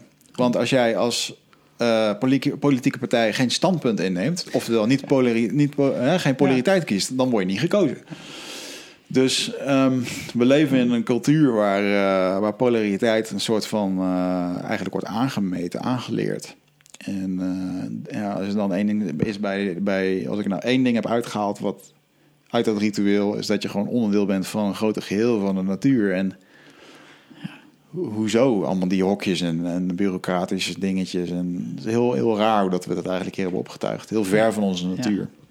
Nou, dat is wel, dat is wel mooi, want toen eh, na mijn, eh, dat is mijn ervaring dan, na die ayahuasca-ervaring, dat zul je dan, dan, zelfs daarna nog, of die dag daarna, of als je dan met die mensen met wie je dat gedaan hebt zo bij elkaar zit, dan is er ook niet meer, dan is er meer wij dan ik, om het zo maar even te zeggen. Ja, zeker. En Ja. dan is dat ook wat je zegt. Het is niet belangrijk wat voor werk je doet of wat voor kleren je hebt of weet ik wat voor auto. Je hebt allemaal. Het is meer een soort, soort wij-bubbel of zo. Ja. Of dat bewustzijn een beetje gedeeld wordt meer. Ja, je herinnert weer even wie je bent. En eh, Ja. vergeet eventjes wat, allemaal, wat je allemaal vindt en alle oordelen. En ik merk dat Ja. zelf ook hoor. Als ik dan een tijdje geen eh, niks heb gedaan, dan heb ik ook alweer mijn oordelen over andere Ja. mensen of dingen. En die, ja, het is gewoon heel gezond om dat af en toe te lozen. Ja, precies. Hey, weer een paar korte vragen. Om, eh, en dan gaan we zo een beetje naar de afronding toe. Eh, je hoeft niet per se kort antwoord op te geven hoor. Maar Ja. het, ehm, is, er, is er een boek of een film, eh, los van je eigen boek, ja, je eigen boek natuurlijk ook, maar die, je die je graag cadeau geeft of die je graag tipt aan anderen? Ja, ik heb het nog niet cadeau kunnen doen, maar het is wel een, echt mijn favoriete boek. eh Papillon. Over eh, Henri Chari heet hij volgens mij. Die ehm, eh, onschuldig naar het uh, Duivelseiland wordt verbannen in eh, Nieuw-Guinea als Frans delinquent. dat is een verhaal, joh. Die man die is negen keer ontsnapt en ongelooflijk. Heeft ook nog daarbij een Indianenstam in Colombia, waar hij gestrand is, heeft hij een paar maanden geleefd en de dochter van het stamhoofd werd verliefd op hem. Een hilarisch verhaal, oh. waar gebeurt. Er is ook een film van gemaakt, toch? Ja, zijn zeker. Ja, ja, ja, maar die, die films, die, die, ik moet eerlijk zeggen, ik heb de films nog niet gezien. Maar het kan me niet voorstellen dat dat boek, ehm, dat dat samengebracht kan worden in twee uur film. Nee. Het is gewoon, maar de, de, gewoon alles wordt daar in naar voren gebracht. Dus de menselijke wilskracht, de, de, de, de, pijn, het lijden, maar ook de mooiheid van de kleine dingen. En deze man echt gewoon, eh, ja, wat een eindbaas, dat hij dat allemaal heeft doorstaan. Hè? Gewoon vijf jaar in, in stilte gevangenis gezeten en zo. En, ehm, en het was ook echt een lamboe voor, maar wat die, hoe die man het beschrijft, uh, fascinerend. Ja, mooi. Papillon. Ik zat in de linkjes erbij zetten. Um, en over je vaderschap, van wat is uh, misschien een moment van de, van de afgelopen week of zo, kort geleden, van wat je met Lea hebt meegemaakt? dat je echt zegt, oh ja, dat was echt gaaf, of daar ben ik echt dankbaar voor, of dat heeft me geraakt? Of... Ja, dat ik uh, Lea uit bed haalde. En uh, ik moest echt wakker maken, was nog helemaal slaperig. En dan zegt ze zitten. Oftewel, ik wil met je zitten. dus ik ga lekker bij de open haard zitten dekentje. Maar ik merkte dat ik onrustig was van mijn werk. En dat ik een beetje vijf minuten zo zat. En dat ik op een gegeven moment toen dacht van... nou, nu is het al genoeg geweest. Ik zet jou neer en um, ik ga even afwassen of ik ga wat doen. Gewoon afleiding zoeken. En dat ze echt uh, heel stellig zei... nee, nee, ik wil zitten, wil zitten. Papa, zitten. En dat ik me een soort van schuldig voelde. Of ja, shit, jij wil nu eigenlijk gewoon heel graag met me zijn... maar ik eigenlijk niet met jou. En toen heb ik hem gewoon omgetoverd in dat moment. Van ja, oké, in plaats van dat je nu weer wat anders gaat doen, heb ik gevraagd van, joh, Lea, wil je met papa in bad? En toen was ze enthousiast, ja, wil ik samen in bad. Dan hebben we echt gewoon, dan heb je samen echt dat moment in bad. En zij blij en ik blij. En ja, dat was, dat is goud. Dat is toch weer de chemie samen eh, opzoeken. Ah, mooi. Ja, en het is, ook mooi. Nou, vind ik mooi dat je dus iets zoekt waar jullie allebei blij van worden. Dus dat je niet tegen heug en meug jij het gaat zitten volhouden. Ja. Want eh, ja, zou ik, ja, het blijft gewoon even zitten bij de kind. Maar het blijft iets anders en dat is ook uh, ja. leuk. Ja. ja. Ja. ik laat haar vaak wel bepalen hoor, wat ze wil. Ehm, ik denk ook wel, soms is het goed als ik het gewoon ook bepaal. Maar als we bijvoorbeeld in het bos lopen, dan uh, loop maar waar je heen wil. Dan lopen we achteraan. En, ja. Die vindt wel een weg. Ja, en je komt nog eens ergens. Ja, ook dat. Ja, ja. Hey, en uh, en een beetje praktisch misschien, maar wat is, wat is de beste aanschaf die je hebt gedaan in het kader van je vaderschap? Ding wat je hebt gekocht of iets waar je denkt, oh, dat was echt super. Een soort sterrenhemel ding. Als je daar uh, op duwde, dan uh, zag je sterretjes in op het plafond en dan maakte dat een heel mooi muziekje. Als baby heeft ze daar echt van genoten. Oh, geweldig. Dus dat was, dat was leuk. Um, een soort projectortje of zo? ja, ja, ja, Magic Dream of zo heette het. Okay. Echt heel... Uh, heel maar, mooi. Ja, maar prachtig. Ik kreeg een mooi paars lichtje en dan van die sterretjes. En dan uh, vond ze ook helemaal leuk. En dan ging ze dan mee slapen. Um, ja, verder ze heeft lekker een driewieler waar ze heerlijk mee over de dijk gaat bij ons. Wat ze helemaal top vindt. Dus uh, ja... Ja, dat eigenlijk. Ik kan niet, we hebben ook niet zoveel spullen voor haar. En zo, dus, zo, nou, ik vroeg het ooit aan Paul Smit. Nou, ik ken natuurlijk ook goed. Mhm. En sindsdien hou ik hem af en toe in de podcast. Want hij had zo'n geniaal idee van... Dat was, hij zegt, ja, na de scheiding, hij is gescheiden van zijn, van zijn vrouw dan. En dat, ja, zeg, ik ben gewoon in de buurt blijven wonen. Dus het huis, wat, wat één straat verder was, zeg maar. Ja. En woont ze, volgens mij woont zijn moeder of zijn schoonmoeder woonde ook nog in de buurt. Mhm. En dat was voor die jongen, die, die, nou, ik weet niet hoe oud hij toen was, maar het was de beste aanschaf ooit, want we waren wel uit elkaar, want het werkte nou helemaal niet meer. Maar we bleven wel bij elkaar in de buurt. Ja. En dat vind ik, ja, weet je, soms. Ja. En, uh, en soms is het een sterrenhemel waar je kind lekker van slaapt, zeg maar. Soms is het een huis, maar ja. Ja, zeker. Ja. ja waar wordt Lea nou gewoon heel blij van? Ja, boekjes, weet je wel. Vind ik ja. wel mooi. We hebben geen televisie. Ze mag twee keer per week uh, even op Netflix eventjes kijken. En dan uh, ja. en soms een keer maar na. Maar je ziet hoe giftig dat apparaat eigenlijk is. En, mm -hmm. en logisch, want het beweegt. En ja. als je erop duwt, dan gebeurt er wat. Dus het is niet anders dan die speeldoos, weet je wel. Ja, um, ja maar dat, uh, ik vind het wel heel mooi om te zien dat zij gewoon lekker... Zich, ze, ze kan zichzelf nu ook een ochtend vermaken. Ja. Dat is wel leuk. Fijn, mooi. Belangrijk. Hey, en, en van al die, nou ja, bijna 200 gasten of meer dan 200 gasten uit de Eindbazen podcast. Is nou iemand waarvan je, ja vast wel, maar met wie zou je nog eens keer denken, nou daar wil ik nog eens even lekker een hele avond of een weekend bij, bij het vuur zitten. En dat was zo leuk, of dat, dat houdt niet op. Ja, die kans heb ik wel gehad ook. Uh, nou ja, ik vond Jan Terlouw vond ik heel bijzonder. Hm. Gewoon om, dat is mooi dan, Michel en ik hebben altijd wel ons woordje klaar en bij sommige podcasts kunnen we ook wel echt heel stil zijn. Dan, uh, dan, dan praat er een oude wijze dus man. Dus meeste verteld. Ja, ja zeker. Dus dat effect hadden daar wel. Hij was wel op leeftijd, dus hij kon het niet zo lang, uh, wilde het niet zo lang volhouden. Hmm. Maar ik vond het wel uh, ja, bijzonder om hem ja, even te spreken. Kolonel Swillens was destijds commandant van het Korps Commandotroepen. En ehm, is toen vier jaar geleden bij ons geweest toen nodigde die ons uit voor de eerste selectiedagen van de korpscommandantroepen. Als een soort van, nou dan kun je jongensdroom nog even inhalen. Dat heb ik vorig jaar, eh, ben ik daar een jaar voor gaan trainen en ben ik dat gaan doen. En uh, toen heb ik hem daarna nog een keer contact. En hij is nu hoofd van de militaire inlichtingendienst. Eigenlijk van de, de Nederlandse CIA. En toen heb ik hem uh, gewoon via de persvoorlichting nog eventjes een bericht gestuurd van... joh, uh, ik wil eigenlijk nog voor de documentaire die we daarvan gaan maken... wil ik nog een keertje met je spreken nadat ik dat heb gedaan. En uh, toen mocht ik bij hem op zijn kantoor komen in Den Haag. Oh, cool. En um, hij vond het fantastisch dat ik dat had gedaan. En, maar die man, even los van wat je van de functie van vindt... of, of als je pro of niet leger bent de, de wijsheid die die man heeft en het, en het leiderschap uh, is echt heel inspirerend. Echt uh, een hele inspirerende man om naar te luisteren en hoe hij vertelt en uh, onwijs charisma. Dus dat is me altijd wel erg bijgebleven. Ja. ja. En uh, ja, wie nog meer? Nou, en is er nog gewoon iets, iets grappig? Dat je, weet je, dat is echt. Je hebt ongetwijfeld heel veel meegemaakt. dit, wat je, nou, dat was echt hilarisch, had ik nooit verwacht. Of dat liep zo anders dan ik Echt dat je keer gewoon, ja, weet ik veel, niet meer bij kwam van het lachen. Of ik weet niet, van... Uh, nou, ik durf wel... Uh, iemand vroeg laatst aan mij van wie... Welke gast was nou het meest, het meest apart om in de studio te hebben? En dan moet ik toch verwijzen naar Emiel Raterband. Dat de energie die die man om zich heen heeft... en in een gesprek, in een seconde... en dat kon hij ook op het podium, daarom was hij daar ook succesvol in ongeacht wat je van hem vindt of van de streken die hij heeft of hoe hij denkt. Uh, ja, dat was heel kenmerkend voor wie Emil is. En ja. uh, dat vond ik fascinerend om dat eens een keertje te, te, observeren van dichtbij en bijna te voelen, weet je wel. Ja. Dus dat, uh, ja, we hebben zoveel mooie momenten gehad, joh. Ik bedoel, ja. ja.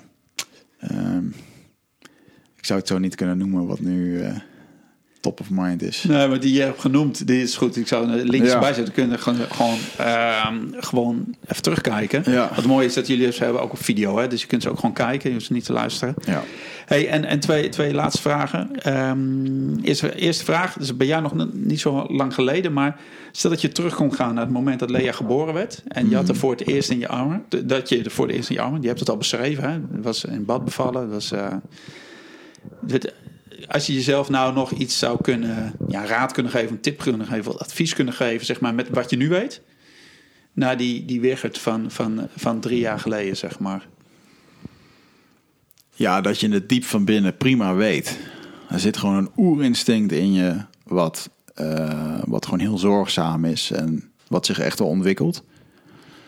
En dat je niet uh, zo hoeft te twijfelen of dat je het wel kan of niet. Uiteindelijk help je daar zo'n kleintje ook niet mee. En, uh, en die kleine heeft ook echt niet zoveel nodig. Behalve de basisbehoeften. En dat is gewoon verzorgd worden. Ja, ja. mooi. Hey, en, en, en als laatste vraag afsluiten van... Um, wat is volgens jou ja, de grootste uitdaging waar wij als ouders... Hè, deze generatie ouders, uh, nu voor staan? Zeg maar? Wat hebben wij te doen?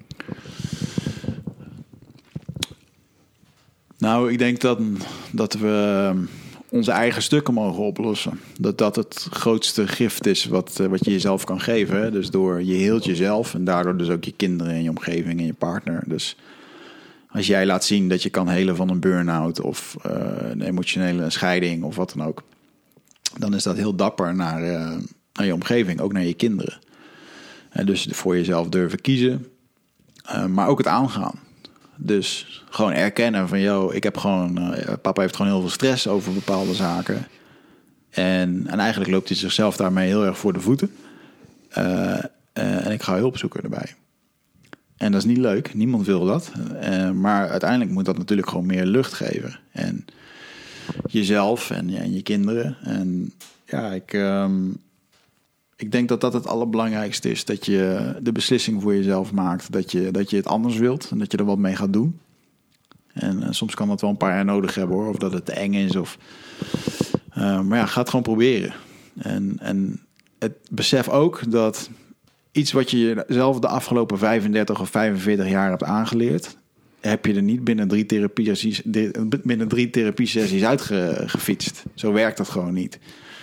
Uh, dus ehm, ja, zorg dat je er op tijd bij bent. Misschien, waarschijnlijk ben je al een keer te laat voor iets, maar zorg dat het niet nog een keer gebeurt. Ehm, of dat je in ieder geval eraan hebt gedaan wat je, wat je, wat je kan doen.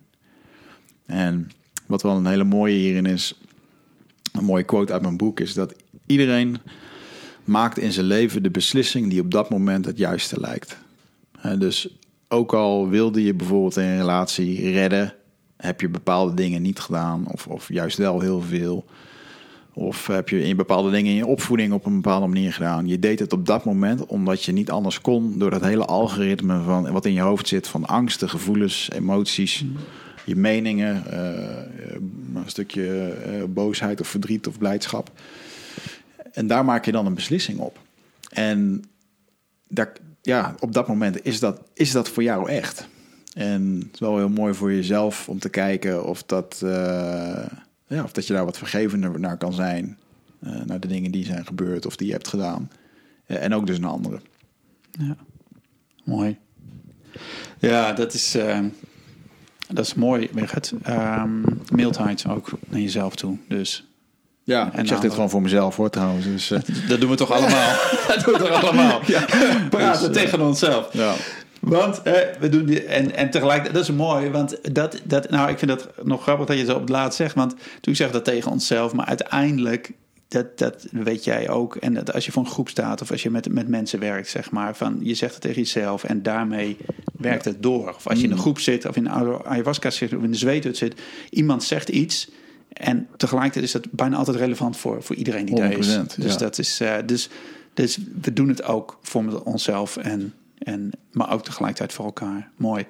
Hey, um, als mensen jouw boek willen lezen of als ze meer over jou willen weten, Wigert, waar kunnen ze dan terecht? www.wigertmeerman.com En daar staat alles. Daar staat alles. Nou, mooi. Nou, Eindbazen podcast, die vind je daar ook. En natuurlijk op eindbazen.nl. Um, ehm, ja, super. Dankjewel uh, voor het gesprek, Wigert. Dankjewel dat ik hier mocht zijn. Ja, leuk. Nou, hey, als je zit te luisteren, uh, bedankt voor het luisteren. Uh, deze aflevering vind je terug op www.praktijkvader.nl slash podcast. Natuurlijk ook op Spotify, Apple Podcast en alle andere uh, podcast apps.